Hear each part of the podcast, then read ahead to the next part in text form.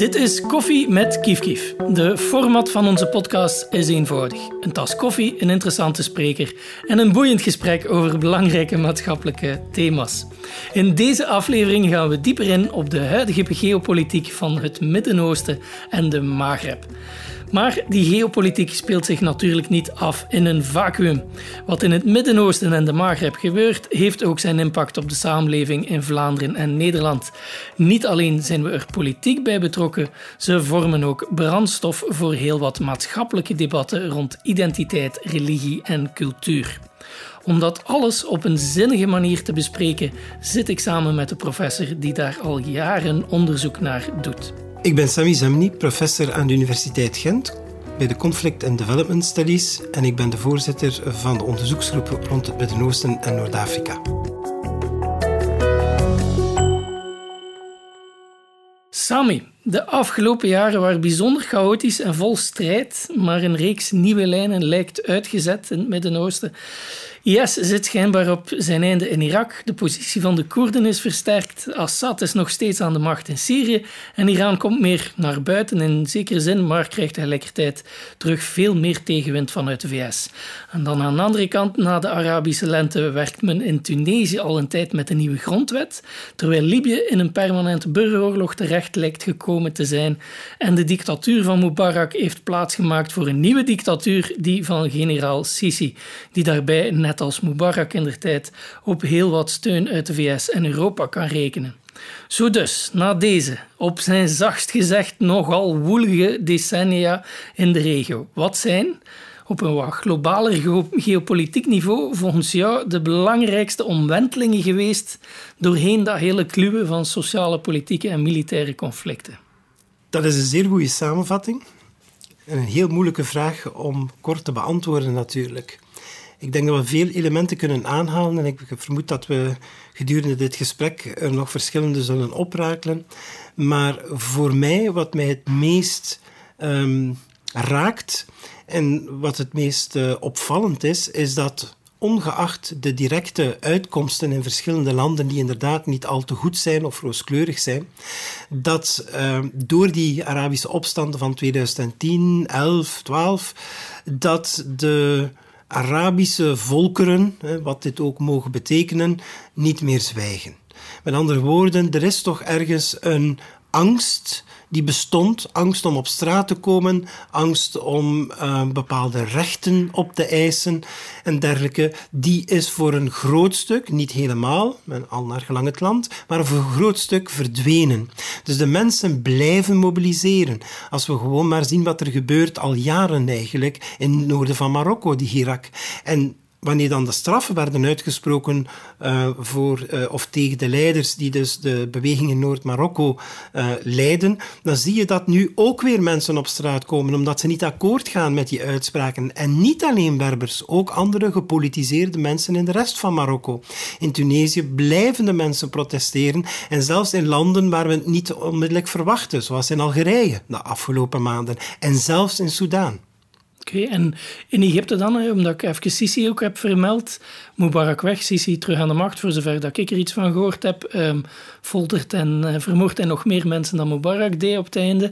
Um, is dat daar ook, of zwijgen de mensen daar? Want Egypte is zo'n beetje hetgeen waar iedereen zat naar te kijken, het Tahrirplein, en dat was zo het symbool van de Arabische lente, laten we zeggen. Gezien het politieke gewicht ook van Egypte, het is een, een van de grootste Arabische landen, waarschijnlijk het grootste in bevolkingsaantal natuurlijk, um, is het heel spijtig, laten we maar zeggen, dat het daar um, ja, niet goed gaat. De klok is inderdaad teruggedraaid. Er is echt wel een contra-revolutie geweest van Sisi. Heeft de macht naar zich toegetrokken. En inderdaad, vandaag ja, moeten we toegeven dat zijn... Um, ja, laten we maar zeggen, dictatuur verder gaat dan die van Mubarak.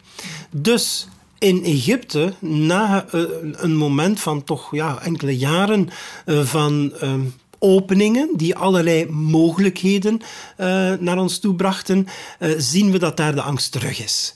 Mensen proberen nog altijd wel uh, voorzichtig in te spelen op alles wat te maken heeft met mensenrechten, constitutionele rechten en dergelijke, waar ze toch wel Sisi een beetje op zijn verantwoordelijkheid en op zijn eigen discours willen pakken. Maar zelf dat is heel moeilijk deze dagen. Dus echte oppositie voeren momenteel tegen Sisi lijkt um, quasi onbestaande, hoewel dat die mensen natuurlijk nog steeds bestaan en ondergronds wel het een en het ander proberen doen. Waar plaatsen Europese landen, like België, Nederland, maar ook de rest, zich daarin? Is het uh, gemakkelijker, ik zeg maar, voor Tunesiërs om op straat te komen dan voor Egyptenaren, omdat Mubarak meer gesteund wordt door onze overheden ook, terwijl in Tunesië daar misschien meer steun is voor de oppositie, of niet? Niet helemaal. Laten we zeggen dat men, wat betreft Tunesië, dat men gewoon uh, in snelheid is genomen, als ik het zo even mag zeggen. Uh, ik herinner me zeer goed dat in januari, ik denk dat het 4 januari was, dus een tiental dagen vooraleer dat president Ben Ali moest vluchten uit het land, dat de minister van Binnenlandse Zaken van Frankrijk nog in het parlement, in het Franse parlement, eigenlijk aangaf dat Frankrijk wel bereid was hè, om haar kennis en haar ordediensten die dat kennen, zo zei, het, zei ze het, op te sturen, zodat Ben Ali dus de uh, opstandelingen, die, zo werden ze dan genoemd natuurlijk, onder controle zou krijgen. Dus zelf in Tunesië was men helemaal niet bereid om daar de stem van het volk, dat, dat groeiende was, uh, om, om die te aanvaarden, om daar naar te luisteren. Maar ja, het was het eerste land. Het ging zodanig snel dat men eigenlijk ook niet echt veel achter de coulissen kon uh, beïnvloeden. Um, en ja, uh, Ben Ali was natuurlijk iemand Iedereen wist natuurlijk dat het een, een zeer autoritaire leider was. Men had eigenlijk ook niet echt internationaal zin om daaraan achter te staan. Vandaar ook dat wanneer het in Egypte begint, dat men ja, voorzichtig is, niet helemaal tegen de uh, mensen op straat uh, spreekt, maar eigenlijk ook niet helemaal tegen Mubarak. Tot wanneer dat het Egyptische leger zelf Mubarak naar de uitgang begeleidt, als ik het zo mag zeggen. Want dit is het uiteindelijk geweest. En dan heeft men heel snel weer de oude kaart getrokken. Uh, na een fase van twee, drie jaar van misschien wat regionale instabiliteit, dat men toch weer eieren voor zijn geld heeft gekozen. En namelijk onze dictators die we kennen zijn onze vrienden. En dus Sisi wordt nu heel openlijk, zeker vanuit de VS, maar eigenlijk ook vanuit de EU, heel sterk in het zadel geholpen en gehouden. Dus we zijn eigenlijk weer terug bij af, dat we zeggen hetzelfde als voor de Arabische opstanden, is dat men in de internationale politiek vanuit Europa uh, en de VS, dat men altijd weer de strong men, de sterke mannen, zal ondersteunen, omdat men gewoon bang is van waarschijnlijk voor de gematigden uh, de stem van het volk, niet goed wetende waar dit allemaal naartoe kan gaan en dus een verlies van invloed in die landen zou betekenen. En voor de meer radicalen en pessimisten onder hen het vermoeden dat dan de hele regio in brand zou kunnen staan, dat islamisten aan de macht zouden komen en ga zo maar door. Ja. Als je zegt, uh, schrik hem voor de de stem van het volk, omdat de invloed zou kunnen verdwijnen. Hè, dat voor mij katapulteert me dan naar de geschiedenissen van Iran en zo, hè, waar dat ook revoluties zag, tegen de Shah bijvoorbeeld. En dat er dan een nationalisering van de olie was. Hè, dat is vaak het verhaal. En dan binnen drie jaar gebeurt er een coup die weer een dictator aan de macht brengt die meer aligned is met Europa en Amerika. Um, zijn dat ook zaken die nu tot de mogelijkheden behoren, dat er nationaliseringen van olie gebeuren en zo? Is dat hetgeen dat leeft bij het volk? Of gaat het nu over helemaal andere dingen en, en zit dat er niet aan te komen? Nee, laten we zeggen dat dat cruciaal is. Um, in Noord-Afrika vooral, omdat het daar toch iets stabieler is in de zin dat je geen echt grote gewapende conflicten hebt. Dat wil niet zeggen dat deze landen niet immuun zouden zijn voor het uh, islamitisch terrorisme dat overal ter wereld kan plaatsvinden. Dan stel je vast dat de afgelopen jaren er tienduizenden betogingen zijn geweest van mensen. Die gaan allemaal over hetzelfde, economie. Die gaan niet of heel weinig over politiek, tenzij dat je natuurlijk inderdaad beseft, en dat is in, althans mijn analyse, dat dat uitermate politiek is wanneer je voor je sociaal-economische rechten op straat komt. Daar zit van alles tussen, maar het komt eigenlijk altijd op hetzelfde neer. De mensen willen meer te zeggen hebben in welk type ontwikkeling ze willen. En ze weten zeer goed wat ze niet willen. Nog meer van het neoliberalisme dat al 20, 30 jaar uh, is geïmplementeerd en ingevoerd geweest in die landen. Vandaar om de sprong te maken naar bijvoorbeeld nationaliseringen van bepaalde um, economische takken, dat gaat voor sommige mensen misschien te ver. Hè? Uh, maar wat men in ieder geval wil, is dat het land zelf kan beslissen welk ontwikkelingsmodel het beste is. En om maar een simpel voorbeeld te geven, in alle stilte onderhandelt uh, Tunesië en de Europese Unie nu al een jaar of twee een nieuw economisch verdrag, vooral wat het uh, landbouwdossier betreft. Uh, Tunesië was in het begin vragende partij, omdat Tunesië natuurlijk nog altijd een land is die veel landbouw heeft en uh, gezien haar ligging en dergelijke de Europese markt zou kunnen um, ja, bedienen met allerlei uh, groenten en fruit en dergelijke die wij hier graag eten. En, en het is vlakbij. Hè. Het moet van minder ver komen dan wat we nu soms doen. Kenia, denk maar, of, of weet ik veel. Nu, de mensen komen daarvoor op straat. Er gaat geen dag voorbij dat er opiniestukken worden geschreven en dergelijke. Wij horen daar hier nooit iets over. En je moet wel je best doen om dat te gaan zoeken. Omdat ze inzien dat door het feit dat er natuurlijk een groot machtsonevenwicht is tussen een klein land als Tunesië en een mastodont zoals de EU, dat natuurlijk dat verdrag enorm in het voordeel is eh, van de Europese Unie en van enkele weinige rijke grondeigenaars, dus eigenlijk ja, de agrobusiness, die in Tunesië niet veel voorstelt, maar wel voornamelijk in het nadeel is voor de kleine boer. En die kleine boeren mobiliseren elke dag en er worden dingen geschreven en, en petities en, en, betogingen en sit-ins, sabotages zelfs en gaan zo maar door. Dus van legale tot zelf, ja, laten we maar zeggen, iets minder legale manieren van politieke oppositie. En daar, ja, wij, en, terecht ergens, ik begrijp wel, als mensen op straat komen echt voor een nieuwe grondwet of weg met de dictators zoals in Soudaan, dat dan aandacht daar wordt aan gegeven. Goed, maar men vergeet eigenlijk dat er de laatste jaren hè, over de sociale sociaal-economische dossiers er veel meer is gemobiliseerd geweest. En dat dat eh, cruciaal is.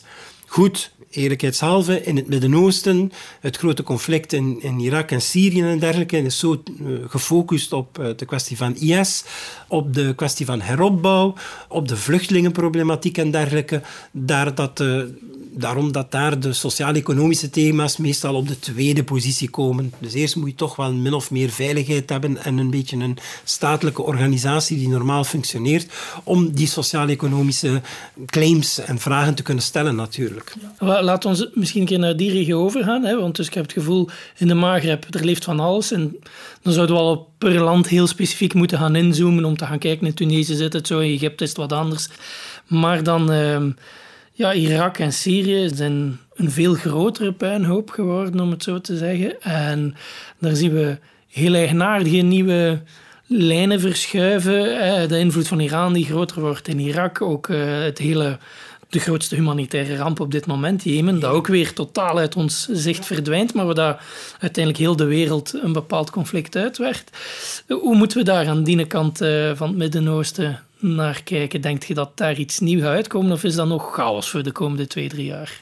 Ik vrees van wel. En dat komt natuurlijk omdat de grootmachten, in de eerste plaats de VS, maar ook natuurlijk uh, het Rusland van Poetin, in iets minder mate de EU, dat toch meestal iets, iets meer leunt op de zogenaamde soft power. Europa uh, is, is minder militair um, en, en strategisch betrokken bij de regio.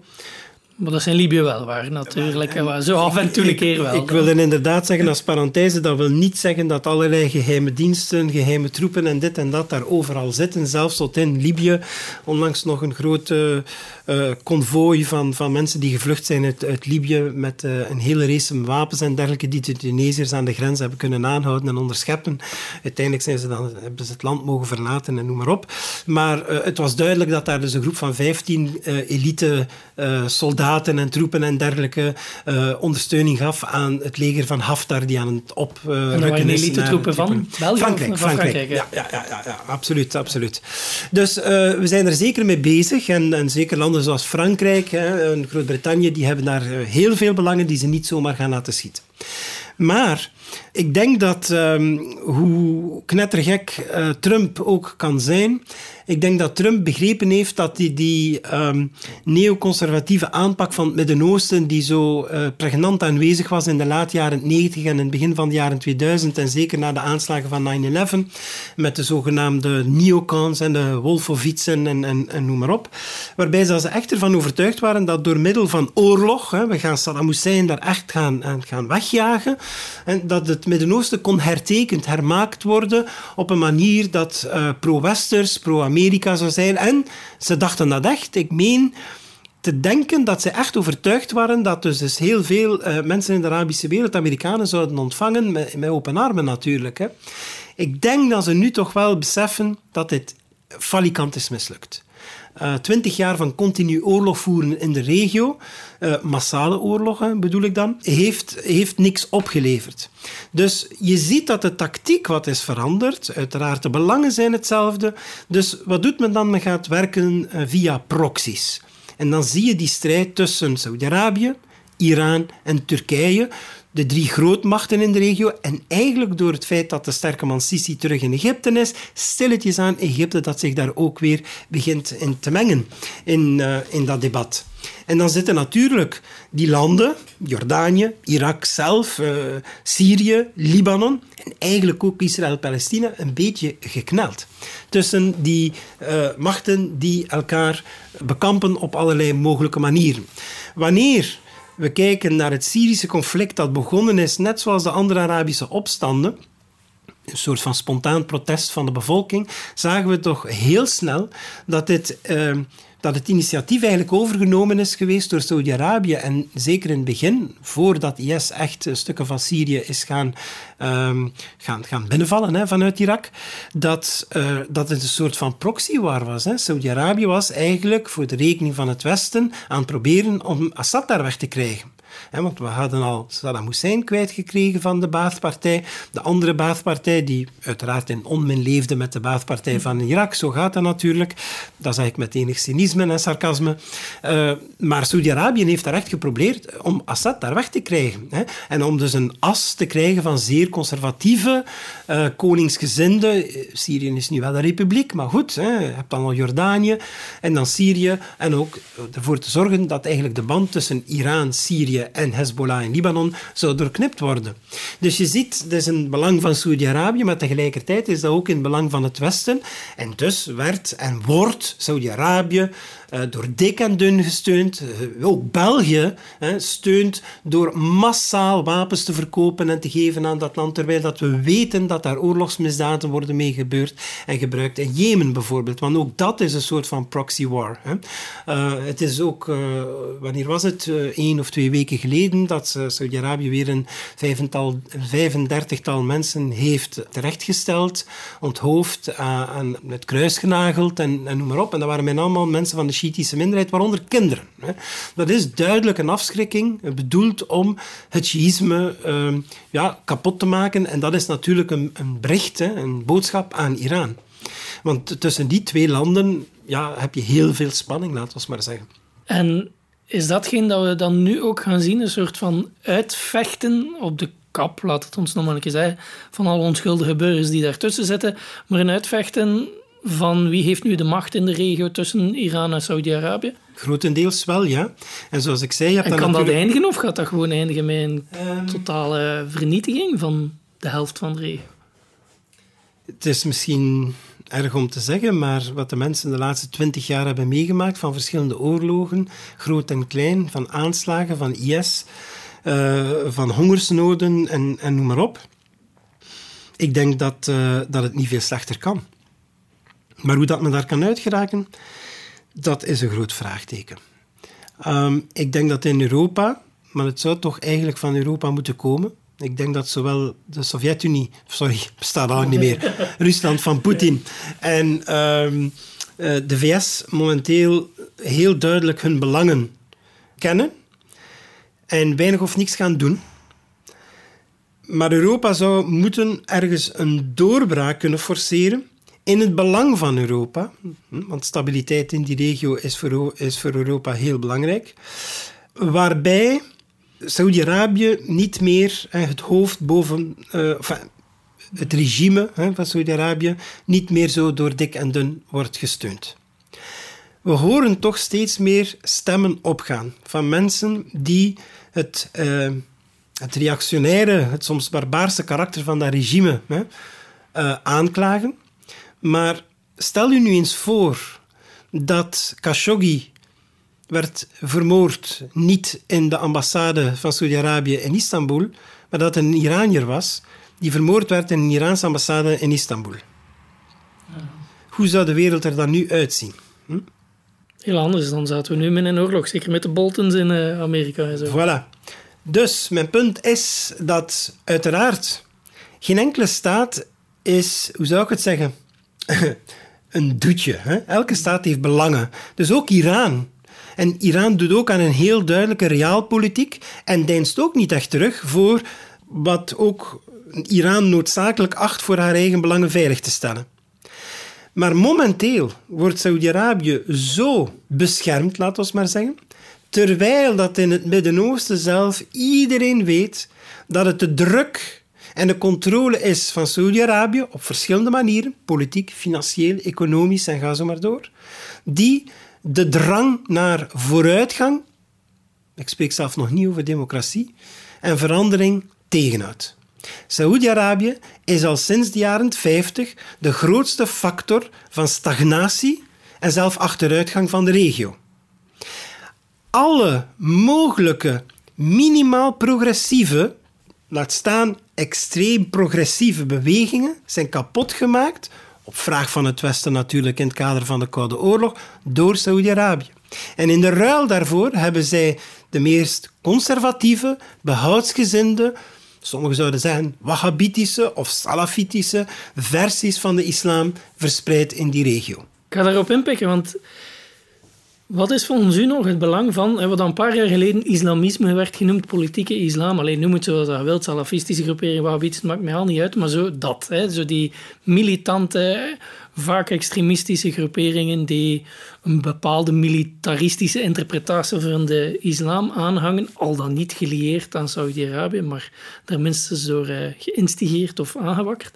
Um, is dat nog een fenomeen dat we gaan blijven zien? Of was IS ergens een beetje het laatste bastion daarvan? Dat... Nee, nee, dat denk ik niet. Nu, eerst misschien een kanttekening. Dat is niet om een pluim op mijn hoed te steken, maar uh, ik heb vroeger veel meer onderzoek dan nu gedaan over, het, uh, over de politiek islam. Hè. En ik had heel lang geleden al gezegd van kijk, het islamisme, of dat je dat nu wilt of niet, is eigenlijk een politieke stroming die er is te, om te blijven. Het is moeilijk in te schatten, zeker toen, omdat er nog geen vrije verkiezingen waren in de regio, hoe groot die zouden zijn. Maar die zullen altijd wel een deel van het electoraat achter zich kunnen scharen. Maar, had ik toen ook gezegd, dat is eigenlijk een ideologische stroming die zich een beetje aan het vormen is, zoals ooit de christendemocratie in Europa. En daar bedoel ik dus inderdaad mee dat de islamisten van eh, de afgelopen 10, 20 jaar meer te vergelijken zijn met de, de Volkspartij, de Christelijke Volkspartij van de jaren 50, hè, dan met de CD&V van vandaag. Hè. Dat, uh, dat moet duidelijk zijn. En dat zien we ook. In al die landen, en daar spreekt men quasi niet meer over, maken zij deel uit eh, van het politieke leven. En dus Tunesië is een goede graadmeter, eh, het meest vrije land, ook wat betreft verkiezingen. En zij zitten altijd tussen de 20 en de 25 procent. Dat maakt hen de eerste of de tweede grootste partij van het land. Dus een belangrijke, maar goed, 25 procent, hun maximum betekent toch dat 75% niet op hen stemt. Dus een zeer diverse electoraat in al die landen. Ik voorspel in andere landen juist hetzelfde, dat dat ongeveer, uh, goed ja, soms kunnen partijen een keer een piek hebben en weer dalen en gaan zo maar door, maar dat zal grosso modo ongeveer hetzelfde zijn. In Egypte zag dat uiteindelijk ook. Hè? Voor Sisi had je de moslimbroeders die even aan de macht waren bij Morsi, democratisch verkozen en ze hadden ook niet alle stemmen natuurlijk. Ja, dus dat is wel belangrijk om te onthouden dat je daar dus een heel belangrijke stroming hebt. Die stroming die uit de jaren 60 en 70 misschien ja, uh, gewelddadiger was, maar die dat heel duidelijk heeft afgezworen en gezegd van wij willen een gewone politieke beweging worden. Goed. Dat is de grootste groep. Hè. Natuurlijk heb je daarnaast nog, laten we ze gemakkelijkheidshalve de jihadis heten. Je hebt daar verschillende stromingen in. Maar laten we zeggen, zij die dus vinden dat met politiek geweld een islamitische staat, een kalifaat, hoe dat ze het ook heten, willen oprichten. Nu, dat als idee bestaat al enkele decennia. Hm. En IS was daar na Al-Qaeda de vaandeldrager een beetje van. Maar uh, ook daar vrees ik natuurlijk, je kan een beweging kapot maken, maar daarmee maak je een idee nog niet kapot natuurlijk. Hè? Nu, een bepaald idee kan aantrok kennen, kan bepaalde mensen naar zich uh, toebrengen. Maar je hebt natuurlijk wel een, een, hoe zou ik zeggen, een materiële basis nodig om sterk te staan, zoals IS staat. Dus op het moment denk ik niet dat er een beweging is die even groot of even sterk zou kunnen zijn. Maar als idee leeft het verder en dan zie je dat er toch her en der uh, homegrown terrorists, lone wolves en, en noem maar op, uh, die, ja, hoe zou ik het zeggen, de agenda Sinds 2006, 2007, heel duidelijk zag je dat gebeuren, waar het altijd een grens van uh, fatsoen, van politieke ethiek, overschreden. Het feit dat men in 2005, 6, 7 in Irak bijvoorbeeld, dat de Sunnis rond Zarqawi beginnen Shiiten af te maken. Ook zelf niet alleen gewoon Shiiten in aanslagen, maar echt gaan moskeeën gaan kapotmaken en dergelijke. Dat is iets dat zelf in de geschiedenis van soms moeilijke uh, relatie tussen Sunnieten en Shiiten ja, toch iets was dat heel ver ging. Behoudens natuurlijk de Wahhabieten op uh, het Arabisch Schiereiland, die elke vorm van Shiïsme daar inderdaad hebben uitgeveegd. Maar in de rest, ja, het feit dat er nog zoveel hè, gemeenschappen en moskeeën bestaat, ja, toont aan ook dat ondanks de spanningen die er soms bestonden, dat er toch wel ook wel grenzen waren aan die animositeit en aan die conflicten. En uh, je zag dat dan toen dat het altijd driester werd. En het is dan ook later dan met de komst van IS nog erger geworden in die zin dat IS gezegd heeft van als jullie ons gerust laten hier, laten wij jullie gerust. We laten ze niet gerust. Uiteraard krijgen we de rekening gepresenteerd. De aanslagen komen naar Europa en de rest van de wereld. Dan krijg je natuurlijk de mensen die misschien eerder ja, geïnspireerd werden door Al-Qaeda, die toch voornamelijk nog een nationale agenda had. Dat wil zeggen, hè, bepaalde landen eh, targeten en zo, en, of bepaalde doelwitten, symbolische doelwitten, dat het geweld gewoon blinder werd. Hè. Eh, kerstmarkten, uh, dit en dat. Maar als je die aanslagen erbij haalt, wat je op het einde van de aanslagen ook wel kon zien, ik vond dat heel typerend, toch op zijn minst met de aanslagen in Brussel, dat je op dat moment al konden moeilijk nog spreken van ideologisch gemotiveerde uh, jihadis, als we ze dan zo noemen. De eerste die nog naar Irak en Syrië afreisden, waren trouwens mensen die tegen Assad gingen gaan vechten.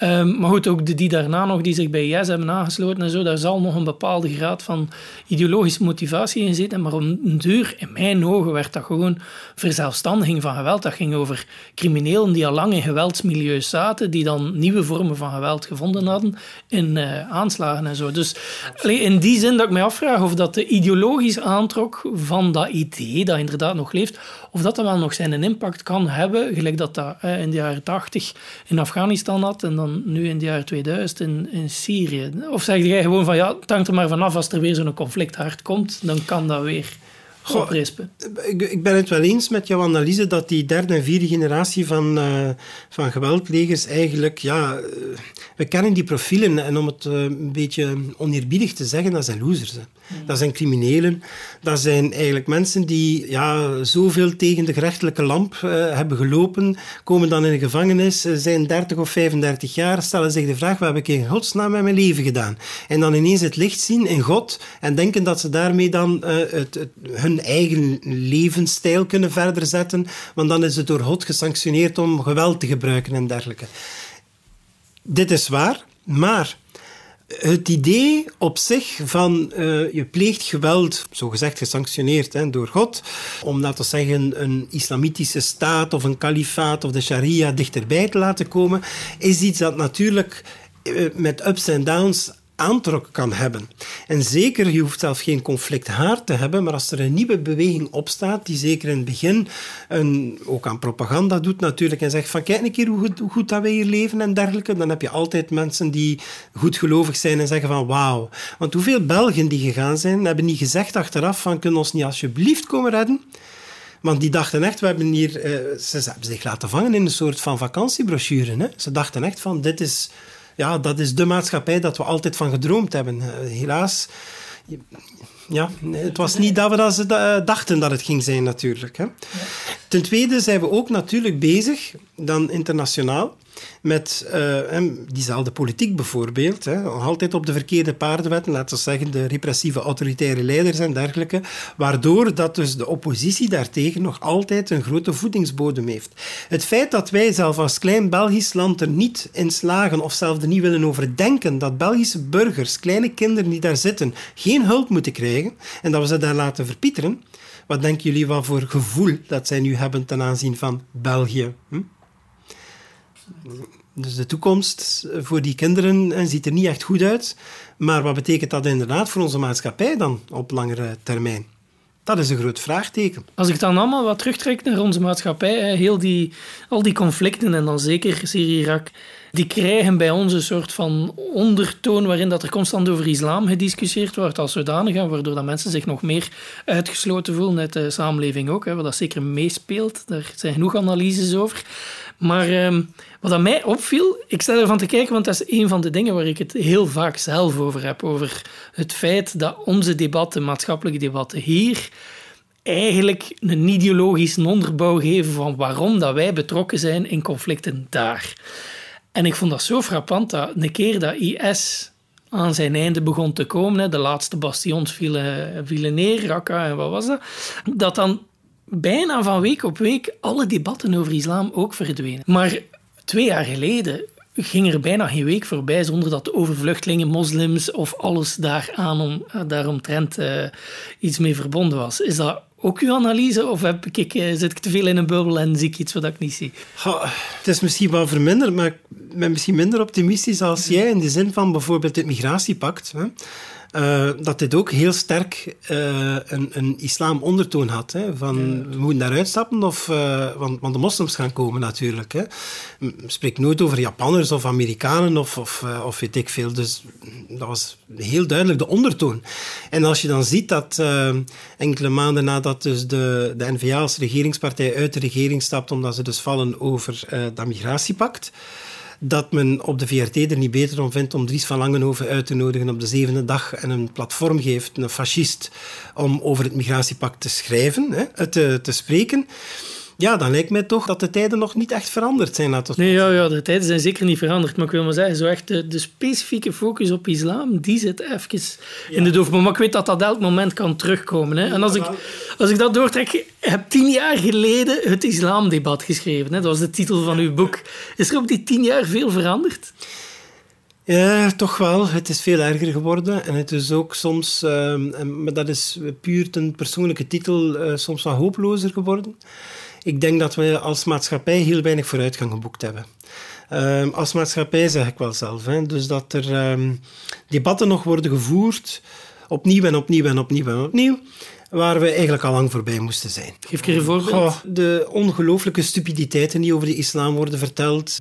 Puur racistische klap eigenlijk, hè, die altijd maar terugkomt. Hè, als, de, als iemand iets mispeutert en het is een moslim, is direct altijd de islam een Vlaming, dat is dan een gezinsdrama of een passionele moord of weet ik veel en zo. En, eh, dus allee, het is alleen erger geworden. En de media heeft, dit, uh, heeft daar echt een terugval in gekend. Want ik vond voordien dat men toch wel een beetje begon in te zien van... Ja, het is niet omdat de, de dader van iets, Mohammed uh, heet, dat we niet moeten analyseren welke factoren er zouden kunnen toe bijgedragen hebben dat die persoon dat gedaan heeft. Hè? Bijvoorbeeld zijn, zijn vrouw en kinderen vermoord, een gezinsdrama. En dan kon je lezen soms dat Mohammed in een uh, familiaal drama was uh, verwikkeld. Maar nu zit men weer in de, in de factor van ja, dat heeft te maken met erevraak en moord en dit en dat. Terwijl dat ze dat van toeten of blazen meestal niet weten, maar ze kennen die mensen niet en, en, en noem maar op. Dus uh, ja, ik vind, ik vind dat we nog niet veel vooruitgang geboekt hebben, ik zal het zo zeggen. In uw boek heb je ook uh, een stukje geschreven over de truc met de moslim. Leg misschien nog een keer uit wat je daarmee bedoelde en uh, of dat, dat vandaag nog steeds wordt toegepast. Ja, of dat een voorbeeld maar de, de, de, de moslim kan eigenlijk nooit goed doen. Hè? Dus uh, een moslim moet blijkbaar voldoen aan de definitie die wordt gegeven door een niet-moslim. En zelfs bekende, invloedrijke tweetosofen zoals uh, Maarten Boudry doen daar ook aan mee. Hè. En dan krijg je dus het debat van, als een moslim dan zegt, als overtuigde, gelovige moslim, hè, dus die, uh, die zegt van, ja maar ik beleef de islam op een andere manier. Ik heb daar een andere lezing van. Dan krijgt men als antwoord, dus door een niet-moslim zegt van, ja, maar je bent geen echte dan. Welk recht heeft die niet-moslim om te zeggen dat hij een moslim een goeie of een slechte is. Hè? Dat is uh, ja, puur het opleggen van, van dus de debatten. En de truc is natuurlijk dat je nooit goed kan doen als moslim. Als je voldoet aan de definitie van een moslim, dan doe je wel goed dat je voldoet, maar dan ben je natuurlijk slecht, want je bent veel te radicaal en te, te, dogmatisch en te literalistisch en tegen verlichting en tegen vrouwenrechten, noem maar op. En als je een, een ander type moslim bent, dan, zeg je, dan, maar jij geen echte, jij. En terwijl dat juist de diversiteit van de moslims die hier wonen, leven en beleven, hè, uh, juist dat ons moet ons ogen openen dat heel veel wat over de islam uh, wordt gezegd gewoon pure nonsens is Het is en blijft frappant dat die, die twee filosofen, zoals dat het gewoon zegt, dat die een soort van uh, hardcore muftis zijn die een fatwa uitspreken over wat dat wel juist islam is en wat dat niet juist islam is. in elk geval, ze doen toch dezelfde, ze maken dezelfde redenering. Um, maar dus ja, dat, dat heeft natuurlijk een geweldige impact gewoon op het, op het leven van moslims hier, hoe dat ze met diversiteit kunnen omgaan met hun islam.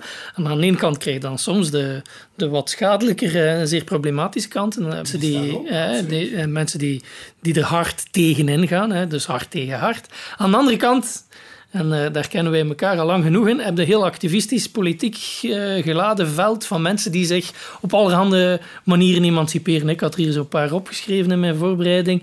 Het antidiscriminatieactivisme van de meisjes van Boe. Informerende instellingen zoals MANA, het Expertisecentrum Islamitische Culturen in Vlaanderen. Emanciperende groeperingen zoals het CIET hier in Gent. En diversiteitsvierende bijeenkomsten zoals de Medina Expo. Maar, eh, wat ik met mijn voorbeeld ook wil aangeven, dus goede 10, 15 jaar lang hebben we zeer degelijke, emanciperende, vanuit mensenrechten vertrekkende organisaties gehad, die zich ook wel vaak vanuit een islamitische oogpunt mobiliseerden. Gaan we dat ook nog blijven zien? Of is dat een beetje gedaan? Dat, dat islam een soort van bindende factor wordt binnen die organisaties in Vlaanderen? Ik, ik denk dat je ze allebei gaat zien. Ik denk dat het gewoon sociologisch normaal is dat uh, sommigen de islam zullen zien eerder als iets van, van een privéaangelegenheid en daarom niet minder belangrijk, maar zich maatschappelijk willen engageren op een, op een bredere leest geschoeid, laten we zeggen. Maar andere organisaties zullen blijven verder doen en ik denk dat er ook zeker nog ruimte is om nieuwe die gaan ontstaan. En af en toe hoor ik wel iets van initiatieven, sommige zijn heel lang leven beschoren of zo, maar uh, dat blijft een, een belangrijk aspect voor veel mensen. Dus waarom zouden ze dat niet doen? En ik, uh, die diversiteit en die, die, dat pluralisme van die organisaties juich ik maar toe. En zeker omdat het voor velen uh, ook een opstapje is geweest om uh, maatschappelijk actief te zijn. Om via die organisaties ook de hand te reiken uh, naar, laten we maar zeggen, bij een slecht woord, het witte middenveld. En zo ook uh, allianties, contacten, maar ook een leerproces hebben doorgemaakt. Van hoe organiseer je best? Hoe zorg je ervoor dat je claims worden gehoord? Hoe maak je memoranda? Hoe onderhandel je met de overheid? Hoe kun je subsidies aanvragen en dergelijke?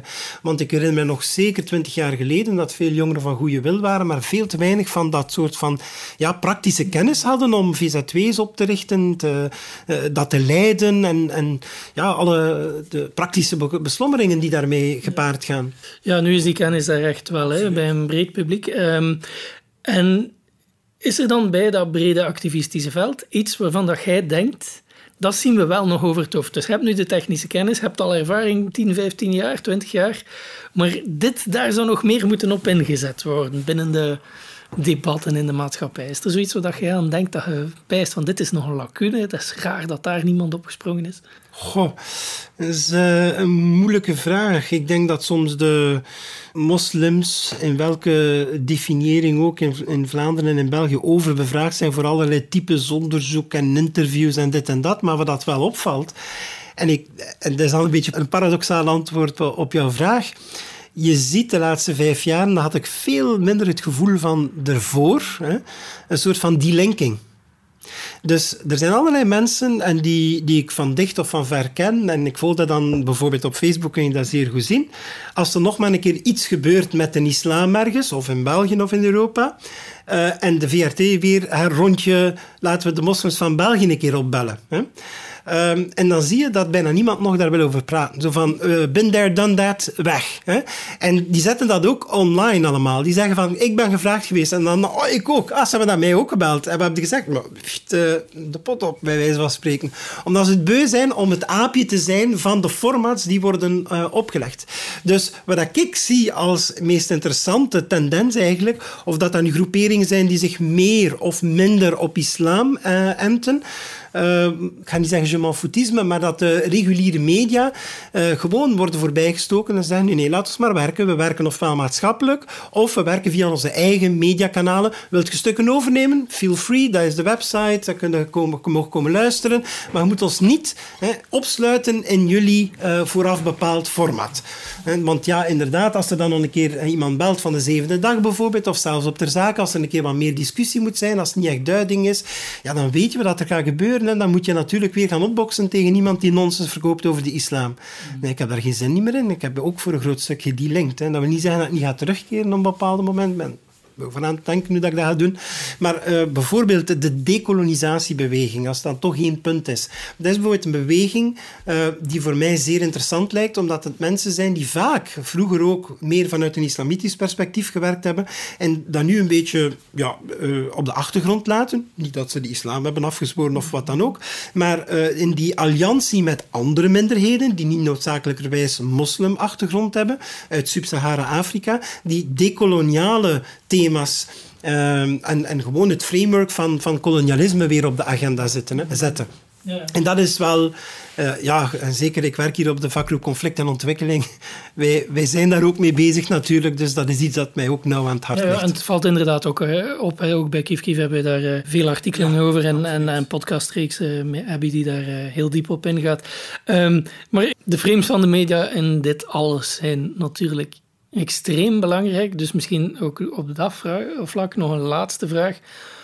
Hoe kunnen we, ik zal ze positief formuleren, hoe kunnen we journalisten helpen van als het over geopolitiek gaat, om ook terug de koppeling te maken met het begin van ons gesprek, die moeilijke, zeer veel factoren inhoudende conflicten en situaties waar dat de media vaak bijna propagandesk mee omgaat, hoe kunnen we ervoor zorgen dat dingen die uw vakgroep zo ontwikkelt, meer tot bij hen komt en dat zij een wat breder en, en doortastender blik krijgen op die conflicten? Ik zie dat niet goed te gebeuren. En dat ligt niet aan de journalisten. Ik ken heel veel zeer integere, hardwerkende, intelligente journalisten in verschillende kranten, op verschillende redacties van televisies of radio's.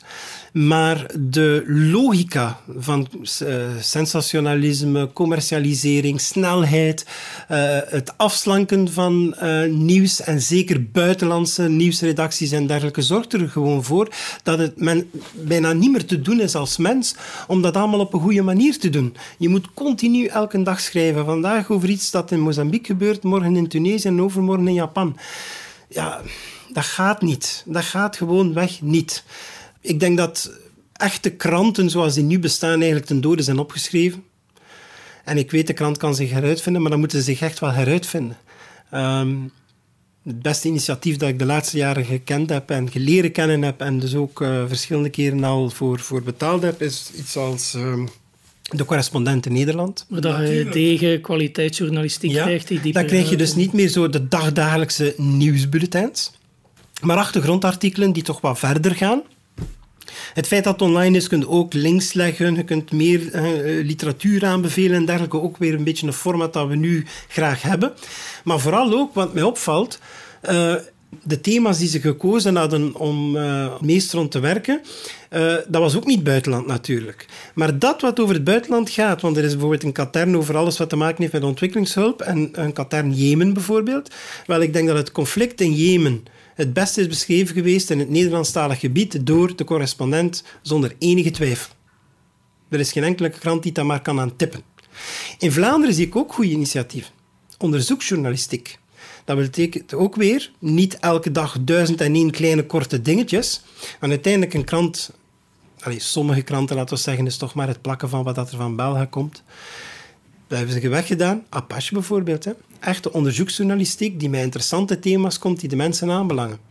En ik denk eigenlijk eerlijk gezegd dat ehm, veel journalisten ook uh, blij zijn als ze zouden bevrijd zijn van die continue druk hè, om te presteren, presteren altijd maar dingen te schrijven zonder dat ze dingen kunnen checken. Ze zeggen het zelf dat ze vaak problemen hebben, bronnen die ze niet kunnen achterhalen, dit en dat. Ze nemen een stukje over uit uh, de New York Times en een stukje van uh, AFP Press en een stukje van dit. Dat is een collagewerk natuurlijk. Hè. Ze zijn zij ook niet naar die landen gegaan om iets te zeggen over Soudaan. Hè. Ah ja. Dus de toekomst voor de media ligt volgens u in het uh, kwalitatieve nichewerk al bij al. Ik denk dat ook, absoluut. Kun je nog een schone toekomst voor Kief Kief dan? Ja. Sammy, heel erg bedankt voor dit uh, boeiende gesprek. Het is graag gedaan.